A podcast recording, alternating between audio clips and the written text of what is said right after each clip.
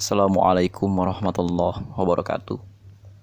Di kesempatan ini kita akan menyelidiki riwayat lebih lanjut mengenai e, wahyu pertama yaitu surat Al-Alaq gitu ya yang turun kepada Nabi Muhammad e, pada saat peristiwa turunnya wahyu pertama. Hari ini kita akan fokus kepada e, secara umum gitu ya tafsir surat Al-Alaq dan peristiwa yang terjadi setelah turunnya surat Al-Alaq. Nah, memang ini yang pertama kita akan fokus dulu uh, kepada penuturan Syekh Muhammad Rashid Ridho yang merupakan murid dari Syekh Muhammad Abduh mengenai apa itu wahyu. Apa sih wahyu itu? Gitu ya. Dan kenapa sih yang diturunkan itu wahyu? Nah, uh, wahyu gitu ya berasal dari kata bahasa Arab uh, menurut Muhammad Rashid Ridho dalam bukunya Wahyul Muhammadi artinya itu adalah isyarat yang cepat atau tanda yang cepat. Artinya tanda itu e, bukan tanda yang berulang-ulang, tapi tanda yang cepat. Bukan tanda yang kalau datang itu terus kita bisa berlalai-lalai, tapi tanda yang betul-betul singkat, padat dan cepat. Gitu ya. Maksudnya yang dikatakan sebagai wahyu itu isyarat atau tanda dari Allah gitu agar menjadi petunjuk bagi manusia. Sama seperti kita kalau lagi ada di jalan tol, itu kan kita melihat tanda itu melihat rambu-rambu di jalan tol nggak bisa kita itu sambil uh, santai. Tapi kita harus perhatikan betul karena kita berada dalam kecepatan yang tinggi dan kadang-kadang kita juga berada di tengah-tengah perjalanan di tengah-tengah lajur. Jadi kita tidak bisa kemudian berhenti dulu karena kita akan menabrak yang lain untuk mempelajari tanda-tanda itu. Nah itu itu pengertian wahyu. Uh, adapun mengenai ayat, ayat juga pengertiannya tanda. Tapi gitu ya, dalam Al-Qur'an sendiri, dalam Islam sendiri, ayat itu pembagiannya menjadi dua. Yang pertama, ada ayat-ayat yang merupakan ayat kauniyah. Ini ayat yang tersebar di alam semesta. Nanti Al-Qur'an juga bicara mengenai ayat-ayat itu. Contohnya dalam surat Yasin, A'udzu billahi minasyaitonir rajim. Bismillahirrahmanirrahim. Wa ayatul lahumul ardul maitatu ahyainaha wa akhrajna minha habban faminhu ya'kulun. Ya kan? wa ayatul lahumul ardul maitatu ahyainaha. Dan di antara ayat-ayatnya adalah bumi itu tadinya mati terus ahyainaha dan kemudian dihidupkannya gitu kan? Wa akhrajna minha habban faminhu yakulun. Dan ditumbuhkannya dari muka bumi itu tanaman-tanaman yang bisa kau makan gitu kan? Artinya ini khusus. Tanaman-tanaman yang tidak sembarang tanaman tapi tanaman yang menakjubkan tanaman yang bisa memberikan pangan sehingga kita makan dari tanaman-tanaman itu. Ya faminhu yakulun Nah, itu ayat yang pertama. Pengertian ayat yang kedua adalah ayat-ayat yang memang berupa kalimat-kalimat. E, dalam bukunya e, Al-Itqan fi Ulumul Quran, Imam As-Suyuti memberikan informasi bahwa yang dimaksud dengan ayat itu adalah satuan dari beberapa kalimat-kalimat dan bisa jadi e, satu ayat hanya terdiri dari satu kata. Contohnya surat Ar-Rahman mudahammatan itu hanya terdiri dari satu kata Uh, bahkan ada juga ayat yang terdiri hanya dari beberapa penggal huruf yang kita tidak mengetahui maknanya. Tapi uh, sekarang fokus kita bukan kepada ulumul Quran, tapi kemudian fokus kita ini hanya pada apa sih yang turun kepada Nabi Muhammad pada saat itu dan ini tidak dikenal di tengah-tengah bangsa Arab. Wahyu itu Al-Quran itu khas sekali. Pendekatan kebudayaan, pendekatan sastra nggak akan nyambung untuk mempelajari Al-Quran kecuali hanya sebatas membahas makna-makna bahasanya tapi kemudian sampai e, jika kita mengeluarkan konteks gitu ya, Al-Qur'an ini sebagai produk budaya nggak akan masuk. Nah, makanya ini dikatakan wahyu gitu ya. Orang yang mengatakan Al-Quran itu bukan wahyu atau orang yang mengatakan bahwa Al-Quran itu kemudian tidak suci dan lain-lain bukan isyarat dari Tuhan yang pengertian relatif itu nggak akan bisa memahami Al-Quran. Artinya wahyu itu kan dikatakan sebagai isyarat yang cepat. Yang namanya isyarat itu pengertiannya jelas. Seperti kalau kita ke jalan tol, ada petunjuk arah, lurus itu ke daerah Jakarta, belok kanan itu ke daerah e, Tangerang gitu kan misalnya kan, atau belok kanan itu ke daerah Bekasi, nggak mungkin kita tafsirkan sebaliknya. Belok kanan itu berarti ke daerah Bogor misalnya, nggak mungkin. Ini yang kemudian berbeda, bedanya itu antara kita dengan orang-orang liberal gitu ya. Nah, e, apa sih yang terjadi setelah itu gitu ya? Rasulullah itu kan kemudian setelah mendapatkan wahyu dan menemui Warokoh bin Naufal, Rasulullah itu merenung-renungkan ini makna surat Al-Alaq itu apa? Ya, yang kedua, malaikat itu apa? Yang ketiga, ini apa maksudnya gitu? Kenapa dia yang dipilih dan seterusnya?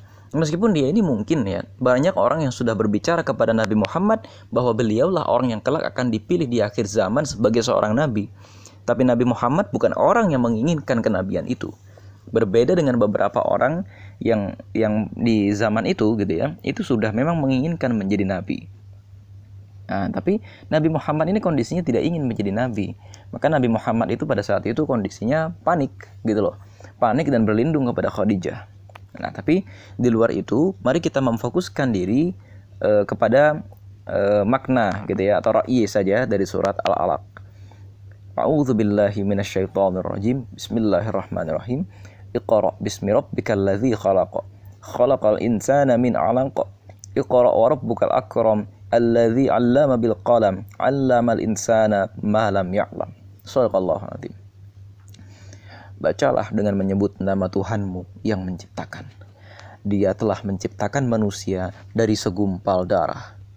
Bacalah dan Tuhanmu lah yang maha mulia, yang mengajarkan manusia dengan perantaraan kalam.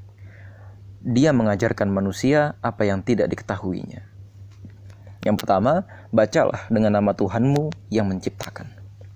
Artinya begini, ini nanti orang-orang Quraisy itu sebetulnya sudah paham bahwa Allah itu yang menciptakan tapi pemahamannya mengenai tanda-tanda yang ada di alam semesta tidak mampu menjadikan orang-orang Quraisy itu atau sebagian besar manusia yang ada pada saat itu mampu mengembangkan peradaban. Peradaban itu beda dengan gedung-gedung yang dibangun. Peradaban itu beda dengan sejumlah besar pegawai, beda juga dengan passive income, beda juga dengan APBN gitu ya, beda juga dengan pertumbuhan ekonomi, beda. Peradaban itu itu lebih kompleks daripada sekedar itu peradaban itu adalah bagaimana cara manusia memandang e, masa depan, memandang masa lalunya. Belakangan ini ya sedang apa sedang terkenal sekali seorang profesor dari Israel namanya Yuval Noah Harari. Dia membuat buku Homo Deus dan lain-lain gitu ya di mana dia sendiri adalah seorang gay. Dia seorang pelaku homoseksual. Dan orang-orang yang merupakan cendekiawan-cendekiawan dosen-dosen ya itu senang sekali membahas bukunya Yuval Noah Harari karena sesungguhnya Yuval itu menawarkan cara pandang baru kepada sejarah manusia dan kemudian memformulasikannya menjadi bagaimana cara manusia menghadapi masa depan. Tampaknya ini baru, tapi sesungguhnya Al-Quran ya 1440 tahun yang lalu itu sudah memberikan gambaran itu dalam surat Hud ayat 120 bahwa fungsi sejarah, fungsi cerita-cerita masa lalu itu untuk memberikan penguatan hati ya tabat fuadak kepada manusia. Yang kedua, selain memberikan fungsi penguatan hati, dipaparkan juga dalam surat itu cara-caranya. Cara memberikan penguatan hati itu, memberitahukan kebenaran, gitu ya. Selain memberitahukan kebenaran, juga memberikan mau itu hasanah, nasihat yang paling baik, dan juga memberikan azikr atau peringatan. Nah, artinya uh, Iqra bismi rabbikal Allah itu kan menciptakan apa aja sih, gitu loh. Allah menceritakan cerita masa lalu, itu contohnya. Dalam surat Al-Qamar misalnya itu kan, kan dikasih tahu perulangan-perulangannya di masa lalu itu bagaimana. Setelah satu kaum itu kadzabat qablahum, setelah kaum itu mendustakan, sebelum kaum Quraisy itu sudah ada kaum yang mendustakan, kadzabat qablahum. Itu selalu nanti akhirnya itu fakaifa kana azabi wa nuzur. Selalu rasain tuh azabnya. Selalu nanti rasakanlah, maka bagaimanakah gitu. E, kaifakana azabi wa nuzur. Ya intinya kan itu pertanyaan hinaan gitu kan dari Allah. Uh, itulah nanti azab yang turun tuh begitu. Setelah kaum itu mendustakan, nanti akan ada azab. Artinya setelah kaum itu nanti mendustakan satu konsep peradaban, maka akan datang kehancuran. Itu loh yang ingin diceritakan kepada orang-orang Quraisy melalui surat Al-Qamar selalu.